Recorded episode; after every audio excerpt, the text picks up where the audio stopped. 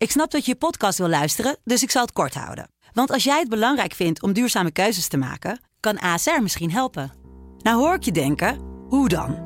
Nou, bijvoorbeeld bij het duurzaam herstellen van schade. Of de premies die we beleggen volgens ons duurzaam beleggingsbeleid. Dat bepaalt waar we wel en juist niet in investeren. Wil je meer weten over welke duurzame keuzes ASR maakt? Ga dan naar asr.nl slash duurzame keuzes. ASR doet het. Zo, dan kan je nu lekker naar je podcast luisteren. Het is ook al een beetje gek, want we hebben het al over mensen van min, meer dan een ton. Dus toch een beetje in welke wereld je verkeert of je dat een kleine zwaarder vindt. En er was een mogelijkheid, dat heeft de Sven ook snel geprobeerd, om, om daar tegemoet te komen. En dat is door zijn opvolger Hans Vuilbrief gewoon in de prullenbak geflikkerd. Uh, en nu zitten we met gebakken peren. Dat laatste moet je even verhelderen voor me. Dit is Kwestie van Centen. Een podcast van de Financiële Telegraaf met Martin Visser en Herman Stam. Hartelijk welkom. Vandaag de dag voor de Spaartax en de box 3. Uh, tegenover me zit uh, grootspaarder uh, Martin Visser. Die gaat er alles over vertellen hoe, hoe hard hij gedupeerd is, toch? Nou, enorm. Maar Martin, volg je het op de voet ook voor jezelf? Is er nee, eigen nee. belang in het spel? Nee, Moeten we dat als... nee. Nee? Nee, nee, was maar waar. Nee. Want je zou, we zouden kunnen mee profiteren, want uh, nou ja, daar gaan we het straks uitgebreid over hebben. Hoe gaat het kabinet uh, het nou repareren na die uitspraak van de Hoge Raad? En worden spaarders gecompenseerd? En dan is er een beetje het verschil in van of dan de spaarders die zich hebben, nou ja, de mee hebben gedaan in die claim. Of ja. alle spaarders gecompenseerd ja, worden. En daarom dacht ik, begin eens even met van, ben je ook zo'n spaarder? En nee. denk je van, nou, uh, nee. kom, kom maar door. Sinds met ik een eigen huis heb, uh, uh, ik heb in aanloop naar de koop van mijn huis wel flink gespaard. Heel veel jaren. Mm. En, um, nou, en, ja, en toen heb ik mijn spaarrekening leeggeroofd. en het Ja. zit dus in de stenen. Oké, okay, maar wat, Dus, wat ook een goede investering is, toch? ja, dat blijkt. Ja, het zit wel vast. Maar ja. nee, ik hoor niet bij de groep gedupeerden. nee. We gaan dit uh, een varkentje ah, ja, dan? wassen. Hè? Nou, ik heb wel wat spaargeld nog. Uh, de, maar ik moet ook een beetje een AOW-gat nog op gaan lossen. Want ik heb lang in het buitenland gewoond. Hm. En daar heb ik jaren gemist. Dus daar moet ik eigenlijk heel zuinig mee zijn met dat ja. geld natuurlijk. En uh, ik wil, maar goed, misschien komt dat straks nog wat te sprake. Ik heb een, prachtige refund gekregen. Want we gaan het zo toch over de belastingdienst hebben van, uh, vanuit Amerika. Die kreeg ik vanochtend ja. uh, per post. Een cheque uit Amerika van de, van de IRS. Dat is de fiscus in Amerika. En die stortte mij geld terug. Tweeënhalf jaar lang heb ik met ze gevochten. En ik heb het uiteindelijk gewonnen. Dus ik ben heel Hmm. gelukkig. Ik wil het, mijn leed zeker niet vergelijken met alle mensen bij die toeslagenaffaire. Verre van. Maar dit uh, voelt toch wel lekker dat je op deze manier gecompenseerd wordt. Ik weet alleen totaal niet hoe ik deze cheque moet gaan inwisselen. Want ik moet er volgens mij voor naar Amerika gaan vliegen. Oh ja, nou, dat is toch geen straf? Nee, ja goed, maar dan ben ik alweer heel veel geld kwijt om dit... Uh, ja, nee, dat is waar, ja. Maar goed, uh, dat is even een hele grote zijstap. Want we gaan ja. eventjes punt voor punt dit doornemen. Ik denk dat mensen heel benieuwd zijn hoe überhaupt die uitspraak in elkaar zit en ja. waar dan de compensatie valt. Laten we gewoon eens even daar heel simpel mee beginnen. Van, ik begon een beetje gekscherend van, kan ik als spaarder me nou een beetje rijk gaan rekenen? Maar wat gaat het opschieten voor mensen? De, de nou ja, dat is, dat, is, dat is natuurlijk de grote... Kijk, het gaat er in ieder geval om uh, mensen die uh, voldoende spaargeld of beleggingsgeld hebben. Daar gaan we ook nog over hebben. Wie compenseert precies? Uh, die dus ook box 3 belasting hebben betaald. Een heel aantal jaar was de grens 30.000 euro per persoon. Dus als je een stel bent 60.000 en die grens is, uh, is verhoogd naar 50.000 in 2021. Dus dat betekent dat je in de, in de huidige regels uh, moet je met z'n tweeën minstens een ton op de bank hebben staan. Wil je überhaupt box 3 belasting moeten gaan betalen. Mhm. Um, dus de, de allerkleinste spaarders zijn sowieso uit, uh, uitgesloten. Die hebben überhaupt niet betaald. Dus die doen hier, aan de, uh, hier ook niet aan mee. Dus die hoeven ook niet gecompenseerd te worden. En wat tot 2017 het geval was, om nog even de hele lijn te schetsen, was natuurlijk uh, bedacht door, door Gerrit Salm en Willem Vermeend een, een belasting over een, um, een fictief rendement van 4%. Dat leek toen uh, makkelijk haalbaar voor iedereen. Want er, waren, er was alleen wel rente op staatsobligaties was al veel hoger. Mm. Dus de gedachte je zou een gek iemand moeten zijn als je dat rendement niet haalt. Ja, bijna. en uh, dat waren de tijden van nog veel hogere spaarrentes. Uh, en dat is aangepast in 2017 en toen kwamen de staffels. En uh, het idee was toen dat er niet meer naar die 4% werd gekeken, want die was helemaal niet reëel. Zeker niet inderdaad voor spaarders. Ja, maar dat liep uh, terug, de rentes, dus het werd moeilijk ja, om precies. rendement te halen. Maar ja, wat, ze, wat ze niet hebben aangedurfd destijds was om te zeggen, van, nou dan belast ze alleen nog maar 2% rendement. Wat ze hebben gedaan, ze hebben staffels gemaakt. En dat betekent dus dat ze de, de vermogenden in groepen gingen indelen en ervan uitgingen dat als je eh, meer dan een ton had, dat je dat grotendeels spaar, in spaargeld had zitten en een klein plukje in, in beleggen. Dan had je nog een middengroep en dan de, de, de groep van meer dan een miljoen. Dan gingen ze vanuit dat het alleen maar beleggingen waren. En dan werd er een fictief rendement op sparen geplakt en een fictief rendement op beleggen geplakt. En die fictieve rendementen, die waren niet helemaal uit de lucht gegrepen. Die waren wel gerelateerd aan de echte spaarrente en gerelateerd aan het gemiddelde beursrendement over een aantal jaren. Dus een soort, een soort gemiddelde over meerdere jaren. Maar goed, daarmee, eh, dat is wel de crux denk ik van dit hele verhaal. En misschien ook wel een beetje de on- onduidelijkheid in de afgelopen dagen. We hadden dus een systeem met één fictief element, namelijk die 4% rendement waar belasting over werd betaald. En we stapten in 2017 over op een systeem met twee fictieve elementen. Namelijk niet alleen meer die fictieve rendement, maar ook dat de Belastingdienst bij jouw vermogen veronderstelt welk deel spaargeld is en welk deel beleggingen is. Mhm. Ook als dat niet klopt. Ja.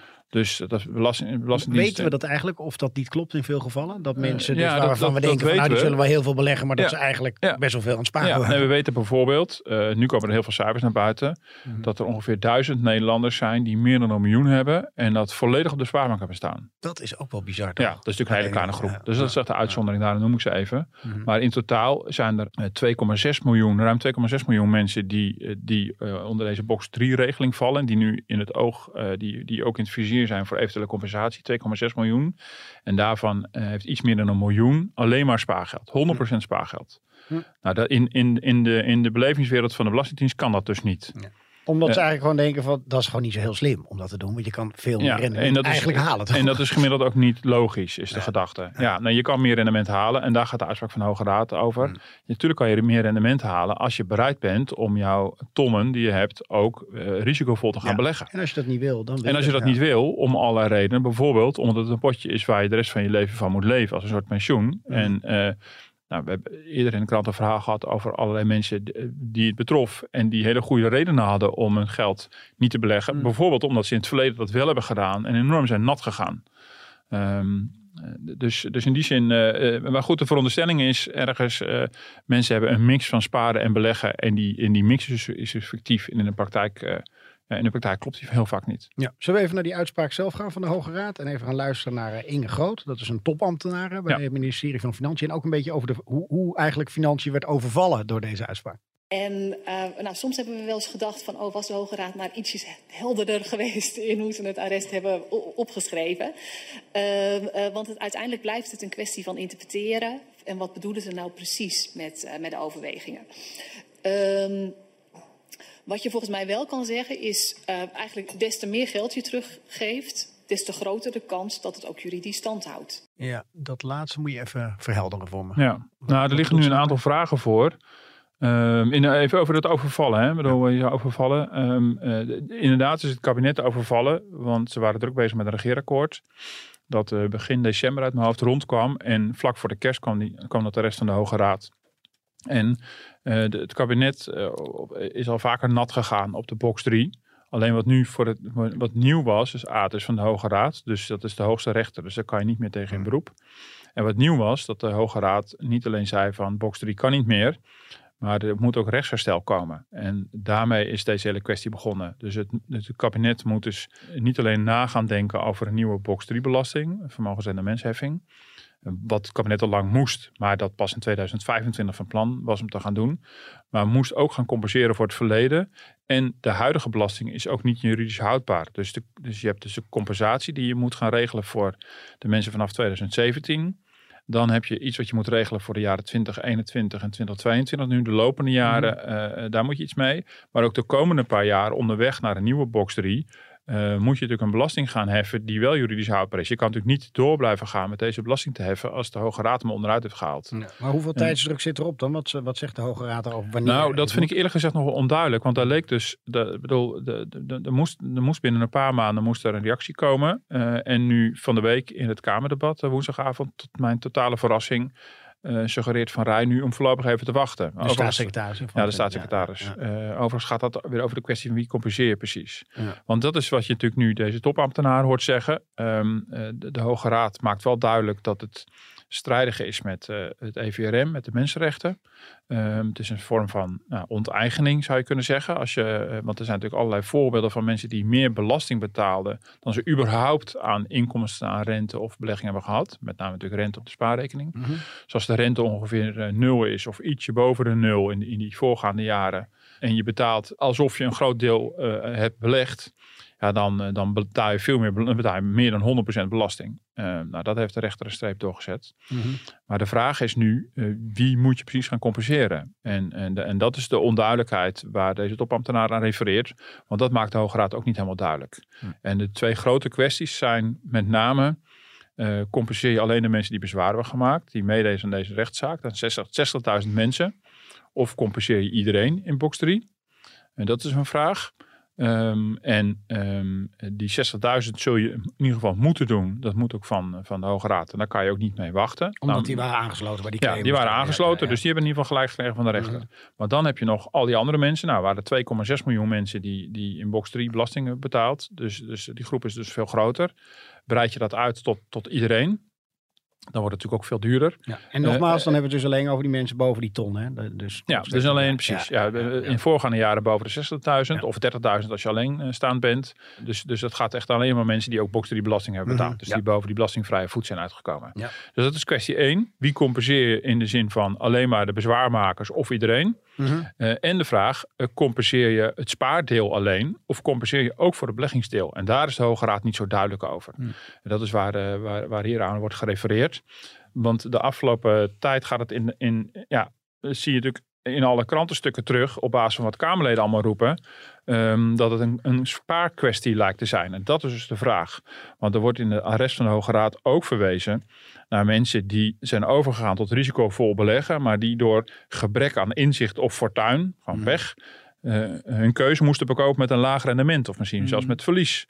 Dus er wordt wel gerefereerd nadrukkelijk ook aan het feit dat sommige mensen die beleggen ook dat rendement niet halen wat de ja. fiscus veronderstelt. Maar dan moet je dus kijken naar bijvoorbeeld 2017, 2018, 2019, wat een beetje een, een reëel ja. rendement ja. was op je beleggingen. En of dan dat percentage wat erop geheven werd qua belasting. Of dat er ja, want wat in ieder geval wel duidelijk is, de Hoge Raad vindt het geen probleem dat er met een fictief rendement wordt gewerkt, als het maar de werkelijkheid benadert. Ja, en dan is het ook weer, wat, wat benadert de werkelijkheid? Hoe ver mag je er dan vanaf zitten? En moet je de, de gemiddelde werkelijkheid benaderen of moet je de werkelijkheid van, die, van het individu benaderen? Kijk, iedereen wil het liefst, en dat werd in de technische briefing ook gezegd, dat je eigenlijk alleen maar de echte inkomsten belast. Dus de echte beursrendementen, echte spaarrente die je hebt gekregen. Maar dat, uh, ja, dat, daar wil men naartoe in 2025. Maar vooralsnog is dat onuitvoerbaar. Dat kan de Belastingdienst helemaal niet aan. Dus Mm. het is ook niet mogelijk om, om al die cases, ook niet van die 60.000, allemaal één voor één te gaan behandelen. Om uit te gaan zoeken van wat heeft u echt voor rendement behaald. Dus je, Maar, dus- maar daarmee bedoel je dat je echt per persoon kan zien van nou, de afgelopen jaar heb ik qua en Precies. spaarders precies dit percentage gehad. Ja. En daar betaal ik precies dit Ja. percentage belasting op. Ja, dat, is, dat is ondoenlijk. Dus, je- dus de oplossing wordt ook gevonden in een, in een fictief rendement opnieuw. Eh, ehm, eh, maar wat ze dan dus doen, we begonnen te- te- met dat er twee ficties waren. Dat rendement is fictief, maar ook de verdeling tussen sparen en beleggen is fictief. En die tweede fictie, die gaat er sowieso af. Hm. En eh, overigens is dat een oud idee, wat van Menno Snel al is geweest. Eh, de voor, voorganger van, van Mannings van Rij, die had al bedacht dat de fiscus kan niet zien hoeveel rendement jij op de beurs hebt gehaald.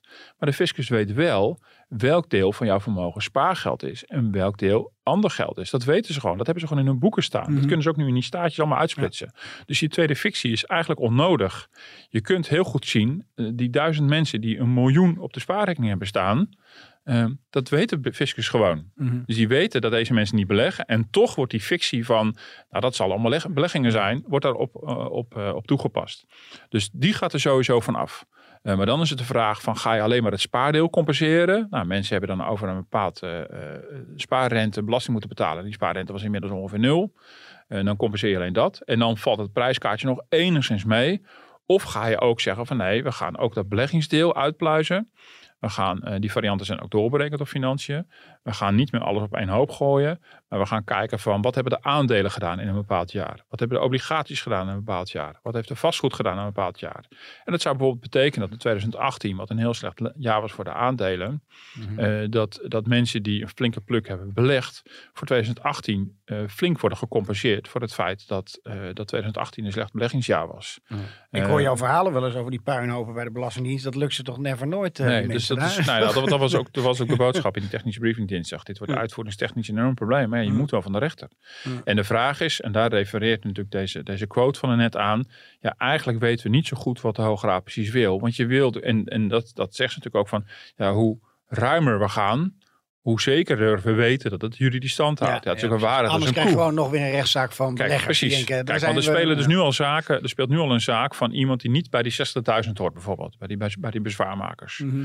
Ehm, je kan puur formeel zeggen, dat schijnt de landadvocaat ook te hebben gezegd. Ik heb het persoonlijk overigens niet nagelezen, maar dat eh, haal ik uit het Kamerdebat. De landsadvocaat heeft gezegd van nou, eh, strikt juridisch hoef je alleen maar die 60.000 te compenseren en de rest niet. Maar er, er zijn ook wel, er is ook wel jurisprudentie eh, dat er gevallen zijn van mensen die niet bij tijds bezwaar hebben gemaakt, waarvan de belastingaanslag al helemaal afgehandeld was, afgetikt. En dat de formele bezwaartermijnen allemaal voorbij waren. En dat mensen toch hun recht konden gaan halen. Zo'n zaak dient er nu. Mhm. Ehm, eh, dat mensen zeggen, ja, ik deed niet mee in die 60.000. Eigenlijk heb ik al mijn belasting al betaald. Het is al helemaal afgedaan. En toch dan ga ik beroepen, mij beroepen op dit arrest van de Hoge Raad. Dat speelt nu opnieuw bij de Hoge Raad. En daar zit, eh, zit, eh, zit Financiën en de Belastingdienst enorm mee in de maag. Want nu al zijn er heel veel eh, nieuwe bezwaren ingediend bij de Belastingdienst. Dus eh, drie keer zo hoog als anders. Er zijn al in het eerste kwartaal 100.000 bezwaren binnengekomen. Terwijl normaal hebben ze 140.000 in een jaar. Mhm. Dus het regent nu bezwaren. En ze zijn ook bang dat hoe, hoe, hoe nauwer ze de compensatie doen. Dus of alleen die 60.000 en alleen maar het spaardeel en het beleggingsdeel niet. eh, ja, hoe, meer, hoe meer bezwaren er komen. En je ziet het ook in de doorrekening van, van, van het ministerie. Dat eh, als je de groep beperkt en je kijkt alleen eh, naar het spaardeel.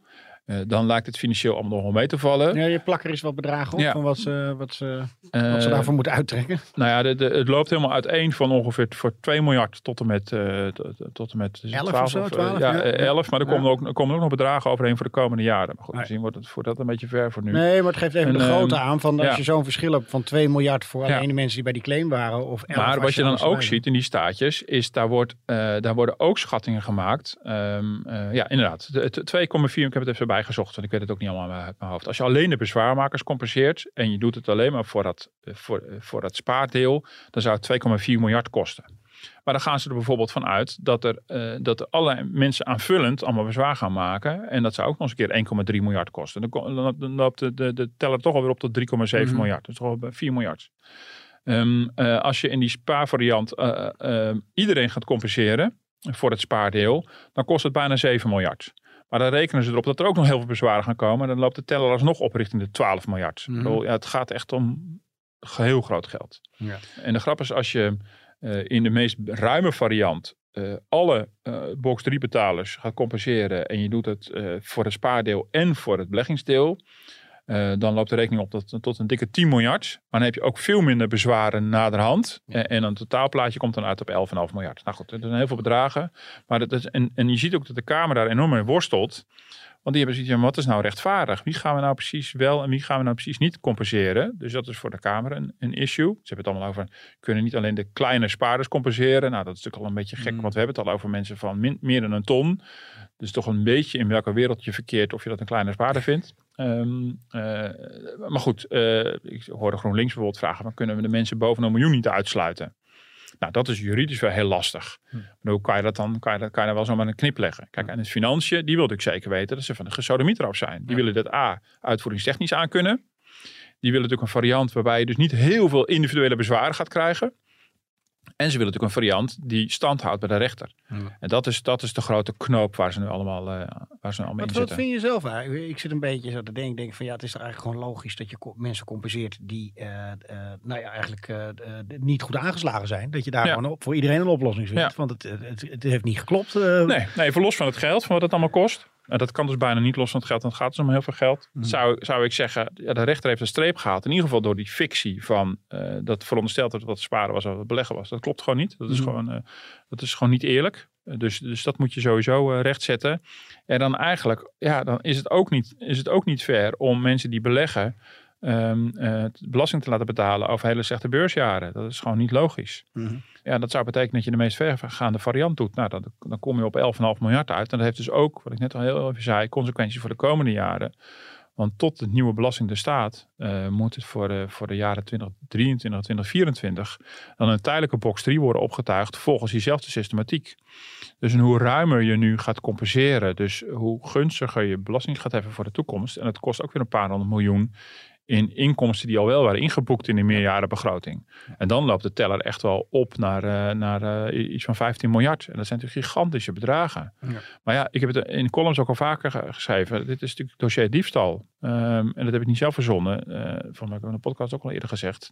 Er zijn ook wel belastingadviescommissies geweest die geadviseerd hebben over het belastingstelsel. Waar dat ook wel binnenskamers werd gezegd, ja, box 3 is eigenlijk een vorm van diefstal. We, we, we, heffen belasting over inkomsten die mensen hebben niet hebben gehad. Ja, Ja. en nu gaat het onderuit bij de rechter. En er was een mogelijkheid om, eh, eh, dat heeft de Sven ook snel geprobeerd, om, om daar tegemoet te komen.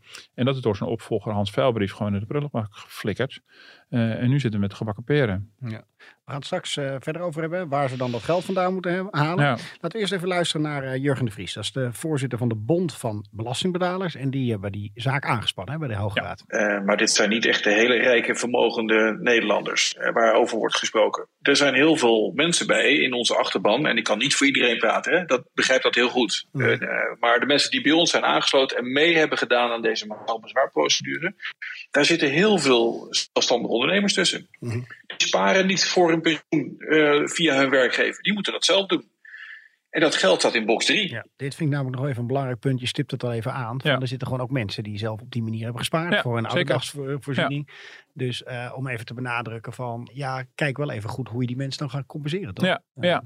En eh, zeker. En dan kan je dus geen kleine spaarders noemen, zoals in de Tweede Kamer wel wordt gesuggereerd. Maar daarmee kan je het niet automatisch ook rijke stinkers noemen. Maar nou, eh, dus, dat- dus, dus dat is niet een, een ingewikkelde groep. En dat is natuurlijk wel heel makkelijk eh, gedacht. van, nou, dat gaat om hele rijke mensen. Maar dat, dat is dit bijvoorbeeld. Nou ja, we hebben in de krant gehad een paar ondernemers bij. eh, mi- middenstanders. Die, die dachten door goed te sparen en door een zaak te verkopen en een paar ton op de bank te hebben staan, dat ze daarmee hun pensioen hadden geregeld. Ehm, ja, en toen eh, ging de spaarrente omlaag. Eh, en dat was ook heel zuur. En toen kwam ook nog eens een keer de fiscus voorbij. Nou, we hebben ook wel gevallen gehad van, eh, van, van ouders met, met kinderen die, die ernstige ongeluk hebben gekregen. En daarvoor eh, ehm, eh, financiële compensatie hebben gekregen. En hangt het heel erg van de constructie af die, die, die destijds met de verzekeraars afgesproken. Of dat het geld in een lijfrente zit eh, wat buiten de belasting blijft. Of dat het in een vorm zit waarbij er ook de belasting ieder, ieder jaar weer voorbij komt. En dat, maar in ieder geval de overeenkomst is, het zijn allebei bedragen waar mensen de rest van hun leven van moeten leven. Eh, en dat zet het wel enorm in perspectief. Dus je kan ook niet zeggen dat mensen die meer dan een ton op de bank zetten, dat die dus gek zijn. Maar nou, dan kunnen mensen hele goede, hele goede redenen voor hebben. En dat maakt het ook wel ingewikkeld. Tegelijkertijd snap ik ook alweer dat het ook, dat het ook voor de Tweede Kamer lastig is. Want die zitten ook met die toeslagenaffaire. Het voelt natuurlijk ook heel slecht dat je straks de mensen van box 3 eerder hebt gecompenseerd dan de toeslagenouders. Ehm, ja, eh, alleen ja, deze mensen zijn gewoon makkelijker te, te, te, te identificeren. Dat is natuurlijk dat is een deel van het verhaal. Met de toeslagenouders is, is veel slechter eh, tot nu toe in beeld om wie het precies gaat. Nou, daar hadden we van de week een verhaal over de krant. Dat ze ook zich allerlei slachtoffers hebben gemeld van de toeslagenaffaire die benader inzien helemaal geen slachtoffer waren. Dat trekt ook, ook echt heel erg fout volk allemaal aan. En ehm, eh, dus ja, maar het is natuurlijk wel heel raar dat we daar, eh, dan hebben we straks box 3 ge- gefixt. En de toeslagenouders en ook mensen in Groningen, die zitten allemaal nog te wachten. Want daar is natuurlijk wel gekozen in beide gevallen voor een aanpak om dat per geval te bekijken. In Groningen gaat het ook om dat je kijkt van wat is er schade aan je huis. Eh, en, en, en bij de toeslagen dat je echt gewoon goed doorneemt voor jouw geval van wat is hier in de afgelopen jaren gebeurd. En wat is jouw financiële schade geweest? Daar kan je ook niet fictieve rendementen of iets dergelijks op toepassen. En dat kan bij box 3 wel. Nou, dat is natuurlijk voor de, ik begrijp best dat het voor de Tweede Kamer best ingewikkeld is hoe je dat dan doet. En dat er dan nou, voor een groot deel van de Kamer, niet alleen van links, maar best wel voor een breed deel de roep komt van ja, kunnen we niet op een manier alleen maar de mensen tegemoetkomen die echt een soort van zielig zijn. Ja, dat is best wel heel lastig te zeggen. Maar mm. Is, is, is een hardwerkende uh, middenstander die, die, die vier ton op de bank heeft staan en, en, en daar een mooie oude dag van wil hebben, is, is die zielig of niet? Ja. En die zal dan in de ogen van een linkse partij niet zielig zijn. Maar die, die gepensioneerde leraar die vier ton heeft staan bij zijn pensioenfonds, uh, dat vinden we allemaal heel normaal. Weet je? Dus, uh, uh, dus, dus een heel groot deel van het vermogen van mensen die pensioen hebben opgebouwd, blijft een beetje uit het zicht. Mhm. Maar dat je dan vier ton hebt staan om de rest van je leven van te leven en misschien iets na te laten aan je kinderen, is niet heel erg raar. Mhm. En ook, ook en je hebt ook gewoon een juridische vragen. Weet je eigenlijk wat, wat dan bijvoorbeeld de compensatie, gewoon een beetje zo'n zo'n zo'n uit je hoofd uh, rekensom van wat ze dan terug zouden kunnen krijgen ongeveer? Voor ja, als je zo'n bedrag um, is, dat een nou, dat, nou, dat is geen gekke vraag. Um, er waren ook wel rekenvoorbeelden gemaakt. En die zoeken we dan even bij. En um, er was ook wel een rekenvoorbeeld gemaakt van uh, iemand die bijvoorbeeld uh, twee ton heeft. Dat is dan boven die belastingvrije voet. En stel dat je daarvan anderhalve ton op de spaarrekening had staan ja, dan, dan zou je uh, teruggave van, eh, van meer dan 900 euro kunnen krijgen. Want je had dan in het verleden, even om het compleet te maken, het was dan 1600 euro belasting betaald. Um, maar volgens de nieuwe berekening moet het ongeveer 1000 euro minder zijn. Dus je krijgt dan bijna 1000 euro terug. En als we het beleggingsdeel ook nog uh, mee gaan nemen, dan zou je wel 1250 terugkrijgen. In totaal? Dat... in totaal. En, en het hangt dus heel erg van die mix af. Hè. Ik bedoel, hetzelfde geval met, met je hebt twee ton vermogen. ik bedoel meer van voor zo'n voor, het, is, het is natuurlijk een, een, een bedrag, maar het is ook weer niet zo'n mega bedrag dat je denkt van nou, uh, hier uh, kom ik nou helemaal uh, nee. de, de winter mee door tegenwoordig nee, met, dat, met dat, energieprijzen. Dat is, nee, daar heb je natuurlijk wel gelijk in. Dat is, dat is ook wel weer waar. Dus in, dus in, die zin, in die zin is het ook onvergelijkbaar met de toeslagenouders. Want daar gaat het om, dit heeft echt heel erg te maken met het gevoel van rechtvaardigheid. En met de toeslagenouders, daar heeft het echt gewoon levens verwoest. Want dat ging natuurlijk in verhouding om, om, eh, om zulke grote bedragen. En zeker als je een relatief laag inkomen hebt, heb je recht op hoge toeslagen. En dan kon de rekening die je moest terugbetalen oplopen tot, tot, tot, tot tienduizenden euro's of meer. En dat stond dan in geen verhouding meer tot je inkomen. Kijk, in die gevallen heb je hier natuurlijk niet. Nee. dus in die zin is het wel van een andere, uh, daar heb je wel gelijk in. Dat is echt wel van een andere orde.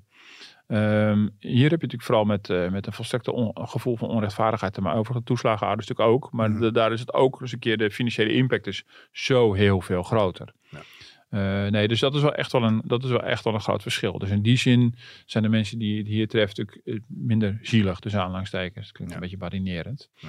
Maar dat is inderdaad echt absoluut wel het geval. Dus uh, kijk, want... Um, door in het oude geval, toen je nog 4, over 4% rendement belasting betaalde, betaal je daar 30% belasting over. Dan had je een belasting van 1,2% over, over je vermogen.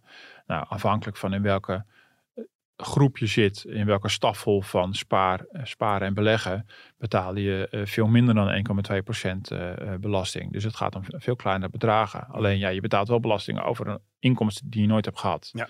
Dus nee, maar dat is wel goed inderdaad om te zeggen. Dus maar de totale, de totale teller loopt heel Enorm, hard op ja, voor Den Haag. Ja, dus dat is natuurlijk gigantisch. Ja. Hey, even, Omdat er zoveel mensen zijn. Maar niks van rijden, want je noemde hem al. Het is een, uh, niet een, uh, een baan die veel mensen ambiëren. Hij ziet er ook een beetje uit als een soort uh, top fiscalist qua uiterlijk. Maar nou, er zijn nogal wat van die staatssecretarissen gesneuveld in die toeslagenaffaire.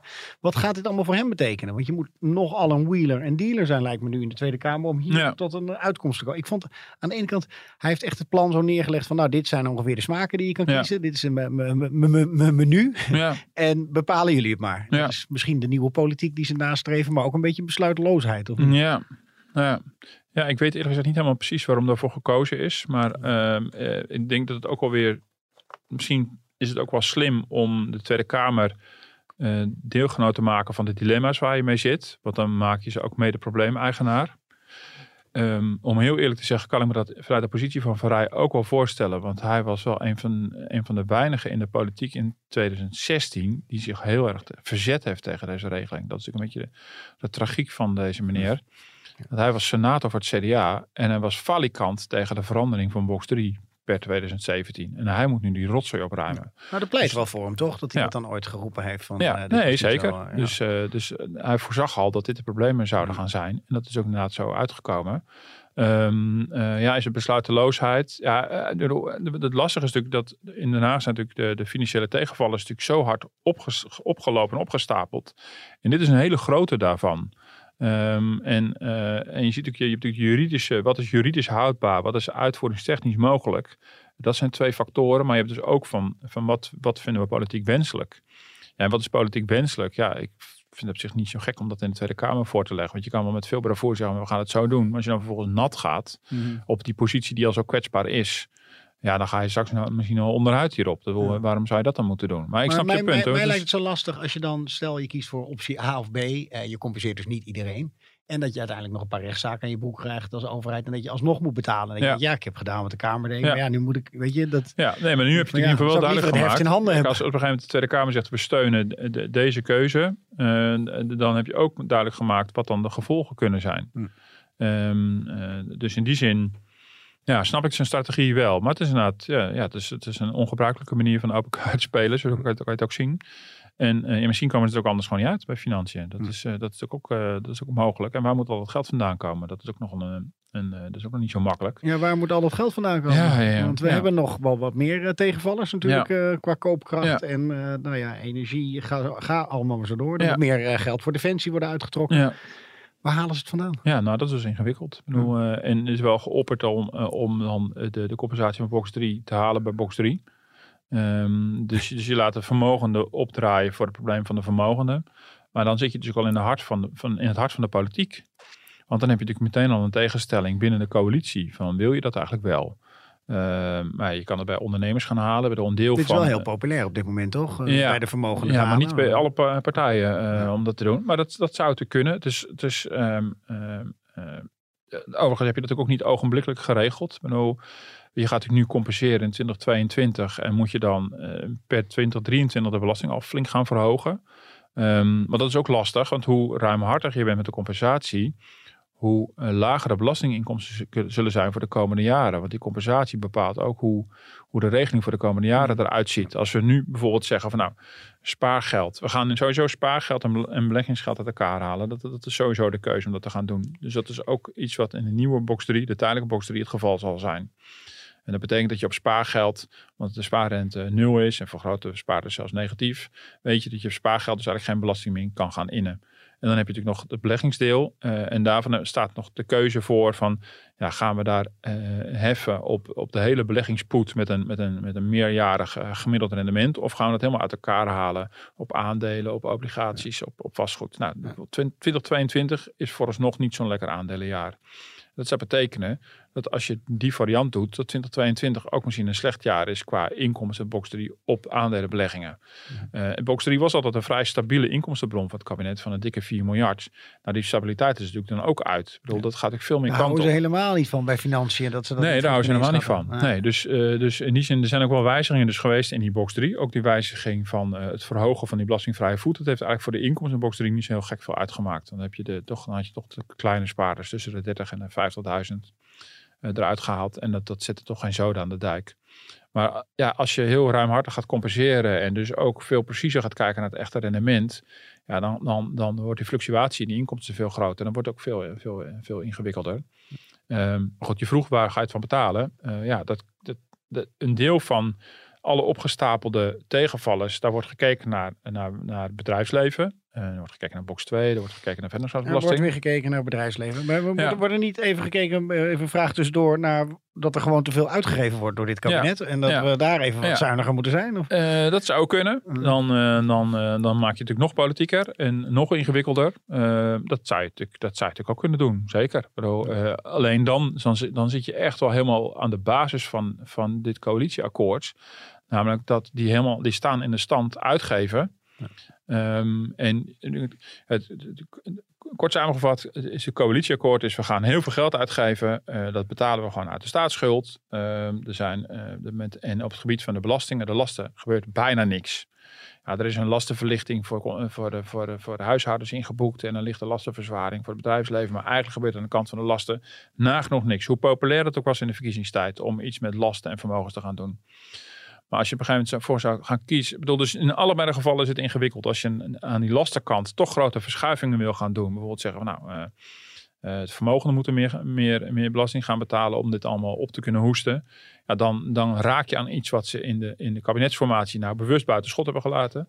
En als je aan de kant van de uitgaven gaat kijken, dan zit je met precies hetzelfde probleem. Want ze hadden het nou juist zo lekker met elkaar opgelost Mhm. door die twee pijnpunten gewoon uh, kal te stellen. Ja. En, oh, en nu dan Krijg je de hele onderhandeling eigenlijk weer ja, helemaal nou, opnieuw. eigenlijk Ja, wat ja. natuurlijk nu de facto gebeurt, is eigenlijk al een heronderhandeling van het regeerakkoord. Je haalt zoveel overhoop. De, de tegenvallers die zijn natuurlijk zo enorm.